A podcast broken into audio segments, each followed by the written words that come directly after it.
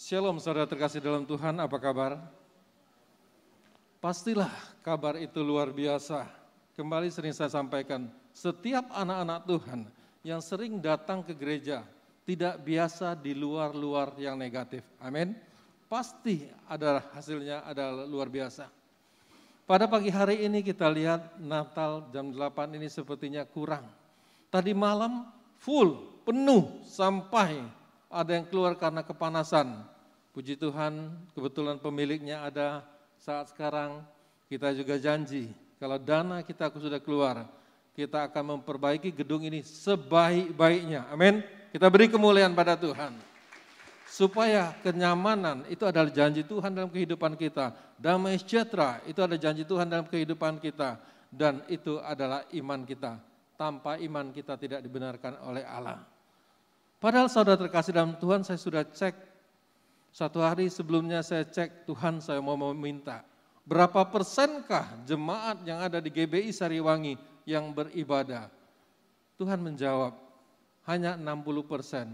Yang 40 persen ke mana Tuhan? Yang 40 persen liburan dan pulang kampung. Mudah saudara cara ngeceknya. Tuhan beri saya hikmat. Kamu coba Bu, Tuhan tidak panggil saya Pak Afu ya. Coba kamu Afu. WA dalam 10 orang. Dan buktikan, benar saudara. Yang pulang kampung dan liburan para hamba-hamba Tuhan, para pengerja, juga jemaat, mahasiswa, 40 persen pulang kampung dan 60 persen ada di tempat ini. Dan 10 persen orang dari kota pulang ke kampung ini. Amin. Berarti saudara adalah orang-orang yang setia. Orang-orang yang setia kita beri kemuliaan pada Tuhan.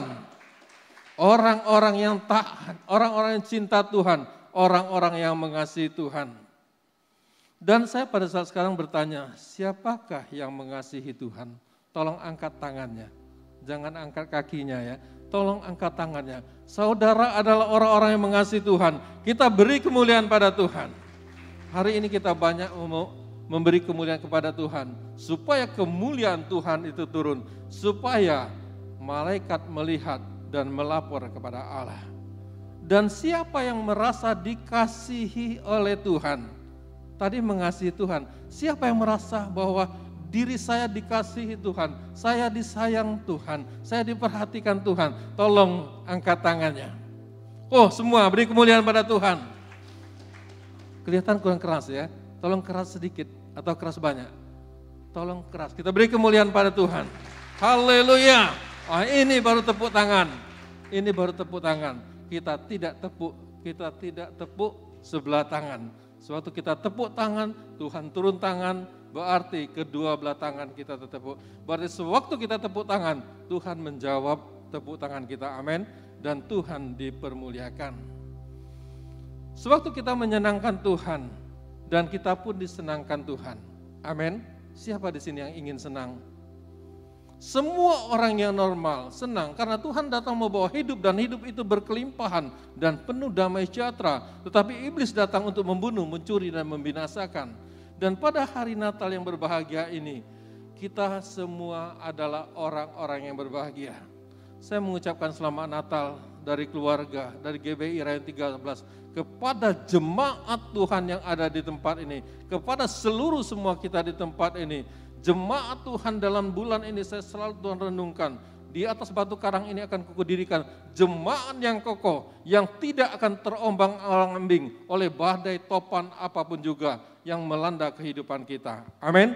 Jemaat yang kuat, jemaat yang kokoh, itu dibangun oleh Tuhan, yang disampaikan Tuhan kepada Petrus kita sudah tahu dan sering mendengar hal itu. Jadi tema Natal kita adalah Yesus pembawa pengharapan baru. Oh, sepertinya enak sekali ya mendengarnya. Yesus pembawa pengharapan baru. Yesus membawa pengharapan baru dalam kehidupan kita. Tinggal kita mau dak Tuhan sudah bawa dan kita terima artinya. Yang mau angkat tangan. Yang mau beri kemuliaan pada Tuhan. Oh haleluya. Kita semua mau. Kita karena kita semua manusia, makhluk sosial, kita manusia yang normal. Kita mempunyai pengharapan-pengharapan yang banyak yang nanti kita akan sampaikan Sewaktu kita masih punya pengharapan, berarti kita ada harapan. Pengharapan kita adalah Yesus dalam segala-galanya. Tema Natal pada hari ini terambil dari pusat dari Gatsu tentang bagaimana dari Kolose 1 ayat 27 kita sama-sama baca ya. Saya akan baca sampai dari awal sampai akhir uh, ibadah kita. Saudara juga membacanya. Nah, di layar atau di TV itu sangat-sangat jelas. Amin. Terambil dari Kolose 1:27 sama-sama kita baca. Kepada mereka Allah memberitahukan, memberitahukan betapa kaya dan mulianya rahasia itu di antara bangsa-bangsa lain. Kita adalah bangsa-bangsa lain salah satunya, yaitu Kristus ada di tengah-tengah kamu. Kristus yang adalah pengharapan akan kemuliaan. Katakan amin. Kristus adalah pengharapan akan kemuliaan. Artinya pengharapan pada saat sekarang dan pengharapan yang akan datang. Karena Amsal 25 mengatakan kemuliaan Allah ialah merahasiakan sesuatu. Amin. Tetapi kemuliaan raja-raja menyelidiki segala sesuatu. Kita yang ada di tempat ini adalah raja-raja. Alkitab mengatakan kita selidiki firman Tuhan. Artinya kita baca firman Tuhan. Kapan? Setiap waktu kita ada. Saya ingat tadi pagi tentang bagaimana seorang hamba Tuhan, salah satu wakil gembala dari Gatsu, yaitu Pak Dani Tumewa, salah satu juga yang mendoakan saya semenjak saya menerima Tuhan Yesus. Uh, dia sewaktu itu tahun 99, 9, ya, KKR 99, saya terima Yesus 98 akhir dia sudah 52 kali ulang membaca Alkitab. Berarti sudah 20 tahun yang lalu. Kalau sekarang mungkin sudah 100 kali lebih. Siapa yang sudah membaca Alkitab 100 kali? Oh, kita beri kemuliaan pada Tuhan. Oh, mungkin bingung ya, siapa yang sudah 100 kali nggak ada ya. Kita kita lihat tadi, oh mungkin malaikat yang saya lihat. Puji Tuhan. Saudara terkasih, apakah orang benar membaca Alkitab Ataukah orang tidak benar membaca Alkitab? Mereka sama-sama membaca.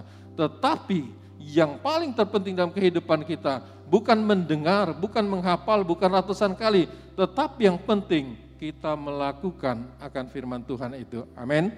Di hari Natal yang indah ini, di hari Natal yang penuh kebahagiaan ini, tetapi kita harus belajar apa yang ada di dalam eh, saat kelahiran Yesus. Tetapi hari ini kita bisa tahu karena Allah memberitahu kepada kita tentang rahasia itu. Kemuliaan Allah merahasiakan sesuatu. Kita akan tahu apa rahasia Allah dalam kehidupan kita semua. Bahwa Yesus ada di tengah-tengah kamu. Kristus dan pengharapan dan kemuliaan. Kristus adalah harapan dan kemuliaan. Saudara, Natal adalah kabar sukacita. Amin. Siapa yang merasakan Natal adalah kabar yang sukacita? Saya lihat baju saudara, baju-baju baru semua, haleluya, puji Tuhan. Itu semua karena kebaikan Tuhan. Jangan baju baru itu bagus, tetapi hati yang baru, jiwa yang baru, pikiran yang baru, itu penting. Amin. Puji Tuhan punya rumah baru. Saudara, ada juga yang punya rumah baru, baru-baru ini, puji Tuhan. Semua kita diberkati, amin dan ada yang senyum-senyum, itulah yang mempunyai rumah baru. Haleluya, kita beri kemuliaan pada Tuhan. Saudara, Natal adalah kabar sukacita karena kita semua adalah karena semua ada pengharapan akan kemuliaan untuk saat ini dan saat akan datang. Kalau saat ini saja saudara terkasih, kalau Yesus mati maka sia-sialah kehidupan kita. Tetapi Yesus mati dan bangkit, maka kita adalah orang-orang yang paling beruntung, amin. Karena Yesus hidup, maka kita adalah orang-orang paling beruntung di antara orang-orang yang beruntung. Saya sedikit uh, singkat cerita apa yang disampaikan tentang kelahiran Tuhan. Karena ini setiap Natal disampaikan. Tetapi pada hari ini saya ada sampaikan sesuatu yang beda. Tadi saya terkejut apa yang disampaikan oleh Pak Dr. Ginting berdoa tentang bagaimana Tuhan Yesus ditolak. Saya buka lagi Pak tentang hal itu. Karena jarang mau buka tentang ini. Cerita tentang kelahiran Yesus tergenapi apa yang dinubuatkan oleh Nabi Yesaya. Nabi yang terbesar. Kita tahu Nabi yang sangat dikenal. Yang banyak menulis kitab di dalam kitab Yesaya. Dan semua nubuatannya hampir terjadi. Saudara terkasih, bukan hampir, semua terjadi, tinggal kedatangan Tuhan yang belum terjadi. Kita baca di Yesaya 9 ayat 5, kembali saya sampaikan, saya baca, saudara pun membacanya. Sebab seorang anak telah lahir untuk kita, untuk kita, katakan untuk kita. Seorang putra telah diberikan untuk kita, katakan untuk kita. Kalau dua kali firman Tuhan mengatakan untuk kita, tidak ada untuk siapa-siapa lagi. Makhluk lain tidak diberi firman Tuhan, tetapi kita diberi firman Tuhan. Lambang pemerintahan ada di atas bahunya dan namanya disebutkan orang penasehat ajaib, Allah yang perkasa, Bapa yang kekal, Raja damai. Amin. Di mana kita cek dan saya sampaikan sebelum Tuhan Yesus lahir dan sesudah Tuhan Yesus lahir dan sampai dewasa. Saudara, supaya jangan saudara menangkapnya salah. Kembali saya sampaikan, sebelum Yesus lahir dan sesudah Yesus lahir. Jadi nanti ada sedikit uh, terbalik terbalik dan mati kata yang positif. Natal pertama yang dialami Yesus, Yusuf dan Maria di Bethlehem 2000 tahun yang lalu Natal waktu itu ada kabar gembira, tetapi suasananya mencekam dan menakutkan. Tetapi Natal 2000 itu juga mencekam dan menakutkan. Natal 2001 mencekam dan menakutkan. Natal 2002 kita percaya pada saat sekarang Natal kita penuh dengan sukacita Allah, amin. Kita beri kemuliaan pada Tuhan. Orang-orang yang bersukacita, selalu bersorak-sorai, memuji, memuliakan Tuhan. Amin.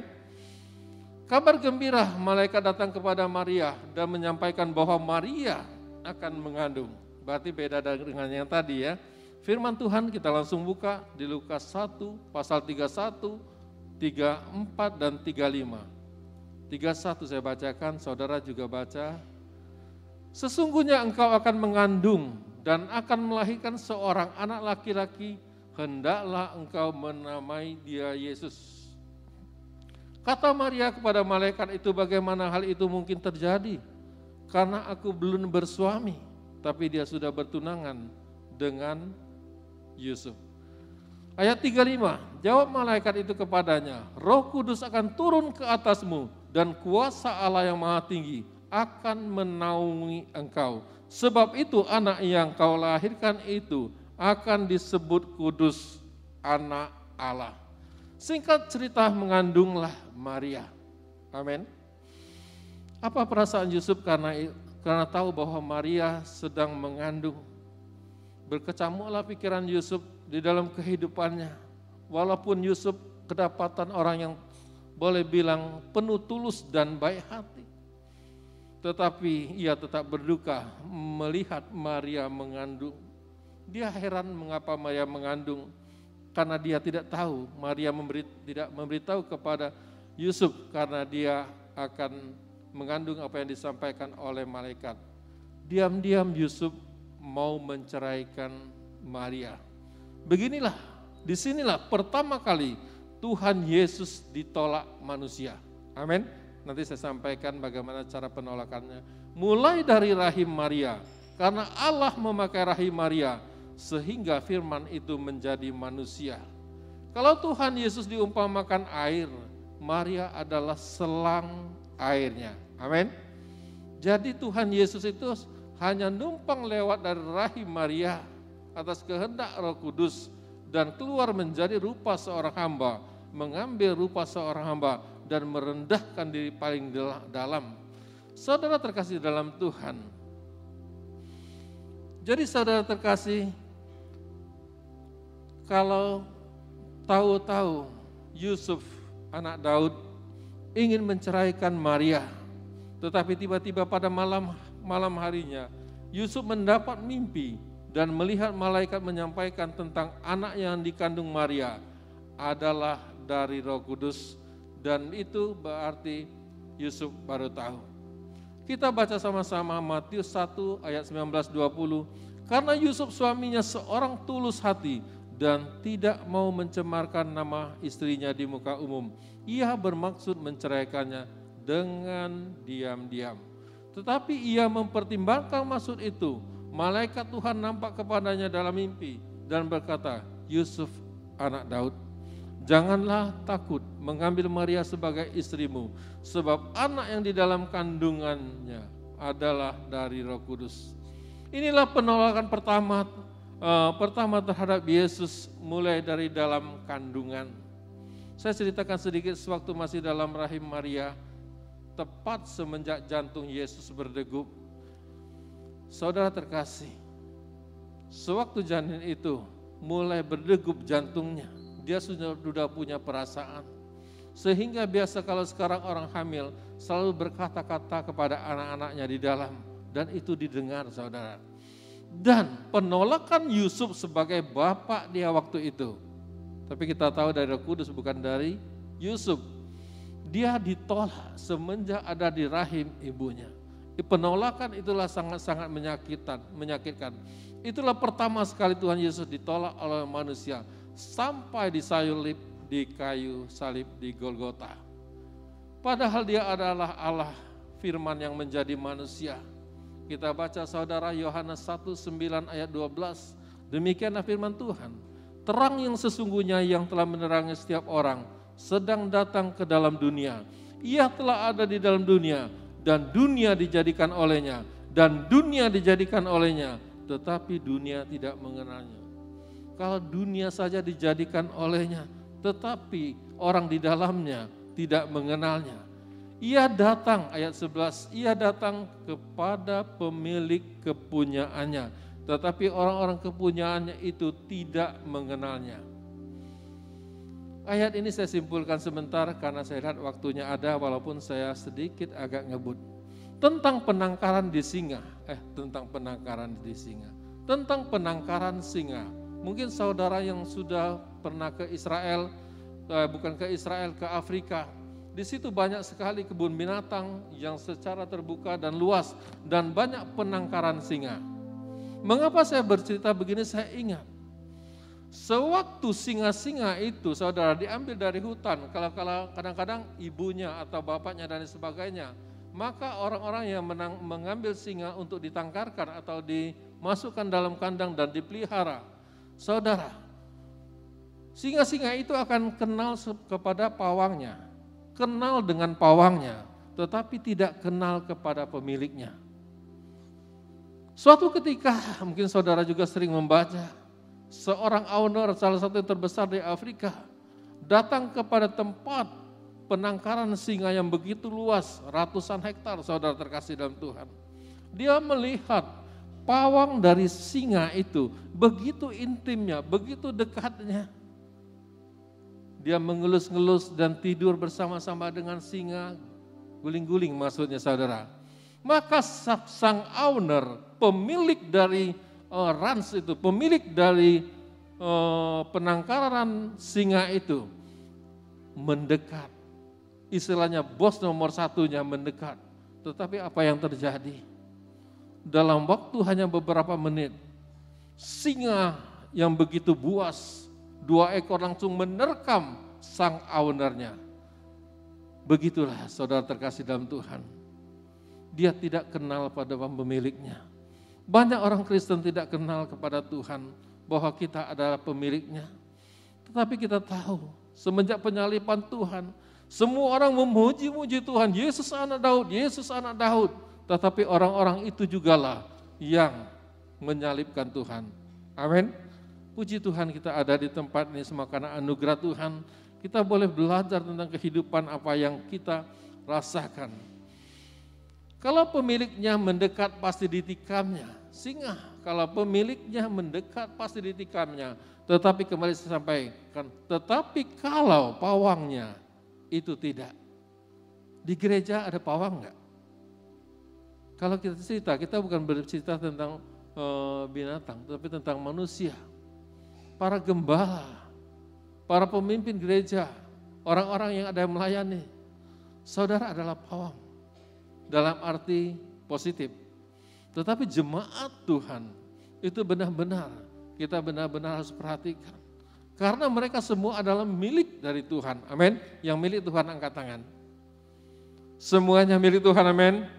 Milik Tuhan dipelihara Tuhan dengan sangat sangat sangat sangat sempurna.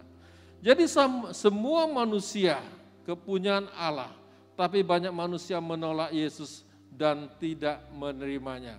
Mungkin ini tidak saya jabarkan. Perhatikan saudara, ayat 12, barang siapa menerimanya, tetapi semua orang yang menerimanya, kita adalah orang yang menerimanya, diberi kuasa supaya menjadi anak-anak Allah, yaitu mereka yang percaya dalam namanya, dalam nama Yesus. Kedatangan Tuhan yang langsung ditolak oleh dunia karena Yesus bukan dari dunia. Amin. Kedatangan Tuhan di dunia langsung ditolak oleh dunia karena Yesus bukan dari dunia dan kita pun adalah warga negara surga. Bahkan kota kelahiran Tuhan Yesus pun menolak dia. Kita tahu cerita tentang ini bagaimana Yesus suatu perjalanan ke Bethlehem dan di situ dia kemalaman dan akan melahirkan, tetapi dia mencari sebuah hotel, mencari sebuah penginapan, tidak ada. Berarti kota itu menolak Tuhan Yesus. Amin. Terakhir kita tahu di manakah Tuhan Yesus lahir? Jelas di kandang domba yang sangat-sangat hina. Saudara terkasih dalam Tuhan, kalau konglomerat, kalau bupati, anak bupati, Mungkin anak lurah, anak camat, anak RT, anak presiden, kalau mau lahir pasti mencari yang terbaik, mencari tempat melahirkan yang terbaik, mencari klinik yang terbaik, bahkan di luar negeri. Tetapi saudara, kita renungkan pada hari ini, Tuhan datang hanya di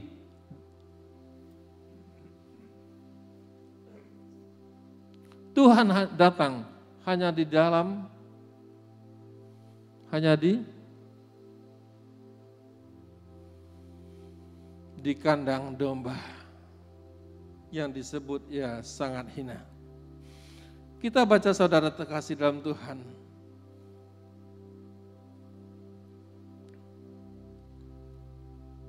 Yesaya 53 ayat 1 sampai 12, tetapi ini saudara begitu cukup panjang. Saudara silakan catat dan baca saja di rumah bagaimana Tuhan Yesus mulai dari lahir sampai dewasa, sampai penyiksaan di kayu salib. Kalau kita lihat sekarang saya sekali lagi saudara, dan juga, dan satu lagi saya sampaikan, ini yang saya akan sampaikan dan saudara bertangkap, dan juga kita tahu Raja Herodes menolak Yesus karena iri kepada Yesus yang masih bayi. Karena iri hati membusukkan tulang, tulang busuk karena eh, kita iri hati. Dari itu firman Tuhan mengatakan, jagalah hatimu dengan segala kewaspadaan, karena di situlah terpancar kehidupan. Amsal 4, 2, 23, kalau enggak salah, tapi rasanya enggak salah. Saudara terkasih dalam Tuhan, Raja Herodes, sewaktu Tuhan Yesus lahir, dia suruh orang maju mencari di manakah raja itu datang lahir. Tetapi saudara kita akan tahu nanti, Raja Herodes tidak menjaga hatinya. Kita sebagai orang Kristen kita perlu sekali menjaga hati kita. Karena dari hatilah terpancar kehidupan. Karena tidak menjaga hati, apa yang dijaga oleh Raja Herodes? Yaitu kedudukannya sebagai raja. Dia takut sang raja yang lahir itu, padahal masih bayi. Tetapi dia sangat-sangat kelabakan karena dia menjaga kedudukannya sebagai raja, dia menjaga kedudukannya, dia menjaga hartanya, dan tidak menjaga hatinya. Oleh karena iri hati. Hati-hati dengan iri hati. Amin. Tapi puji Tuhan kita semua di semua di tempat ini adalah orang-orang yang tulus hati. Karena dari itu saudara terkasih dalam Tuhan, apa yang dilakukan Raja Herodes nanti kita bisa tahu karena penolakan Yesus juga. Yesus harus pindah ke Mesir dan kembali lagi ke Israel setelah Herodes mati. Banyak saya catat tentang penolakan Tuhan Yesus, tetapi saya singkat saudara. Saudara 700 tahun sebelum Tuhan Yesus datang, Nabi Yesaya telah menubuatkan tentang kedatangan Tuhan Yesus. Mulai dari kelahiran Tuhan Yesus sampai kedatangan Tuhan Yesus untuk kedua kalinya. Dan semua nubuatan sudah terjadi dan hanya satu yang belum terjadi, yaitu kedatangan Tuhan Yesus yang kedua dan itu pasti terjadi. Katakan amin. Singkat cerita suatu orang majus bertemu dengan Yesus, Mereka memberikan hartanya, yaitu emas, kemenyan, dan mur. Orang kaya yang rendah hati, tahu memberi kepada Tuhan, tapi bagian dia dan tahu bagian Tuhan.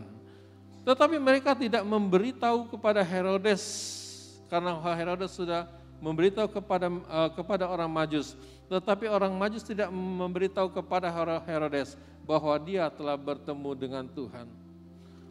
Maka saudara terkasih datanglah malaikat Tuhan berkata kepada orang-orang Majus itu orang dan berkata kepada orang Majus, engkau harus pulang dengan lewat jalan lain. Saudara terkasih dalam Tuhan, mungkin kembali kita baca dengan pemberitahuan malaikat dalam mimpi dan orang-orang Majus itu pulang lewat jalan lain. Nah ini penting kita catat. Berbicara pulang lewat dengan jalan lain artinya merubah total perjalanan hidupnya untuk kembali ke kotanya. Perjalanan kehidupan orang Kristen sebelum menjadi Kristen adalah hidup di dalam kegelapan yang paling gelap dan mengerikan dan tidak ada jaminan untuk masuk surga dan tidak ada jaminan untuk mengenal Tuhan. Kita bersyukur kalau kita mengenal Tuhan. Ini adalah karena kasih karunia. Kita tidak memikirkan perkara-perkara di bawah, tetapi kita mengejar perkara-perkara di atas di mana Tuhan ada. Amin. Amsal 6 ayat 33. Untuk itu saudara terkasih, maka orang Kristen yang telah bertemu dengan Tuhan, kembali saya sampaikan, maka orang Kristen yang telah bertemu dengan Tuhan Yesus pasti mengubah cara hidupnya, tinggalkan manusia lama dan menjadi manusia baru, menjadi ciptaan baru yang lalu telah berlalu, yang baru telah tiba. Kita beri kemuliaan pada Tuhan. Dan punya pengharapan-pengharapan baru. Apa itu pengharapan baru? Hanya saudara dan Tuhan yang tahu. Hanya saudara dan keluarga yang tahu. Apa yang saudara ingini dalam kehidupan ini tapi kita percaya tahun 2023 akan ada jawaban yang terbaik. Mengapa? Tuhan Yesus menderita semenjak dalam rahim Maria sampai di kayu salib. Ini penyebabnya, ini penyebab yang paling paling kita penting. Ia mau menanggung dosa kita dengan keseluruhan hidupnya. Bayangkan, apakah saudara di tempat ini ingin melayani ke melayani Tuhan dengan keseluruhan hidup saudara. Saudara sendiri yang tahu. Dan menghapus dosa-dosa kita. Karena dosa kitalah ia mau menderita dan menebus dosa kita dan darahnya bahkan dengan setiap menit hidupnya. Ini saya ulang dengan cepat. Ia mau menanggung dosa kita dengan seluruh kehidupannya dan menghapus semua dosa-dosa kita, dosa kecil atau dosa besar. Karena dosa karena dosa lah ia menderita dan menebus dosa kita dengan darahnya yang sangat mahal. Mengapa? Sedikit lagi saudara, persis waktunya. Satu menit, one minute. Yohanes 3 ayat 16, karena begitu besar kasih Allah akan dunia ini, sehingga ia telah mengaruniakan anaknya yang tunggal, supaya setiap orang yang percaya kepadanya tidak binasa, melainkan beroleh kehidupan yang kekal. Siapakah yang menerima kehidupan yang kekal? Saudara yang hadir pada saat sekarang akan menerima hidup yang kekal dan akan menerima mahkota-mahkota yang diberikan kepada Tuhan. Apa yang saudara perbuat itu saudara akan menerimanya. Apa yang saudara tabur itu yang akan dituai. Amin. Selagi kita masih ada kesempatan Sewaktu kita masih bisa mendengarkan kebenaran firman Tuhan, kita percaya, lakukanlah yang terbaik. Karena kita sudah tahu yang terbaik, tapi kalau kita tidak melakukan yang terbaik, berarti kita tidak mengenal Allah. Saudara terkasih, dan kita semua nantinya akan ada di Yerusalem baru yang turun dari surga, bumi baru, langit baru. Kalau saya membaca tentang ini, bumi, bumi baru, langit baru, Yerusalem baru. Oh Tuhan, ada lagunya ya, Des. Kita rindu datang ke Yerusalem. Oh, Yerusalem. Tapi suara saya terlalu medu, enggak usah ya. Karena sesuai dengan tema Natal kita pada hari ini, Yesus pembawa pengharapan baru. Maka kita yang telah menerima Yesus wajib kita menyampaikan kabar tentang keselamatan ini. Karena keselamatan hanya ada pada Yesus. Sekali lagi, baik pengharapan di dunia ini maupun pengharapan yang akan datang. Saudara, yaitu dari kemuliaan sampai kemuliaan karena dialah pengharapan kita. Kita beri kemuliaan pada Tuhan. Dan saudara, duduk dengan tenang dan renungkan apa yang saya sampaikan pada saat sekarang sebelum kita tutup. Saya akan membacanya perlahan-lahan dan saya akan e, mengingatkan secara perlahan-lahan. Roma 15 ayat 13, semoga Allah sumber pengharapan memenuhi kamu dengan segala sukacita dan damai sejahtera iman kamu, supaya oleh kekuatan Roh Kudus kamu berlimpah-limpah dalam pengharapan. Sekarang sekali lagi kita masih ada di dunia ini, pastilah semua kita punya pengharapan. Amin. Kita punya kesempatan, kita punya pengharapan. Saya akan berdoa untuk saudara tentang semua ini. Saudara terkasih dalam Tuhan, apa itu pengharapan-pengharapan yang kita inginkan di tahun 2002, di tahun 2023? Kita tahu, oh, menurut prediksi, dunia akan mengalami resesi.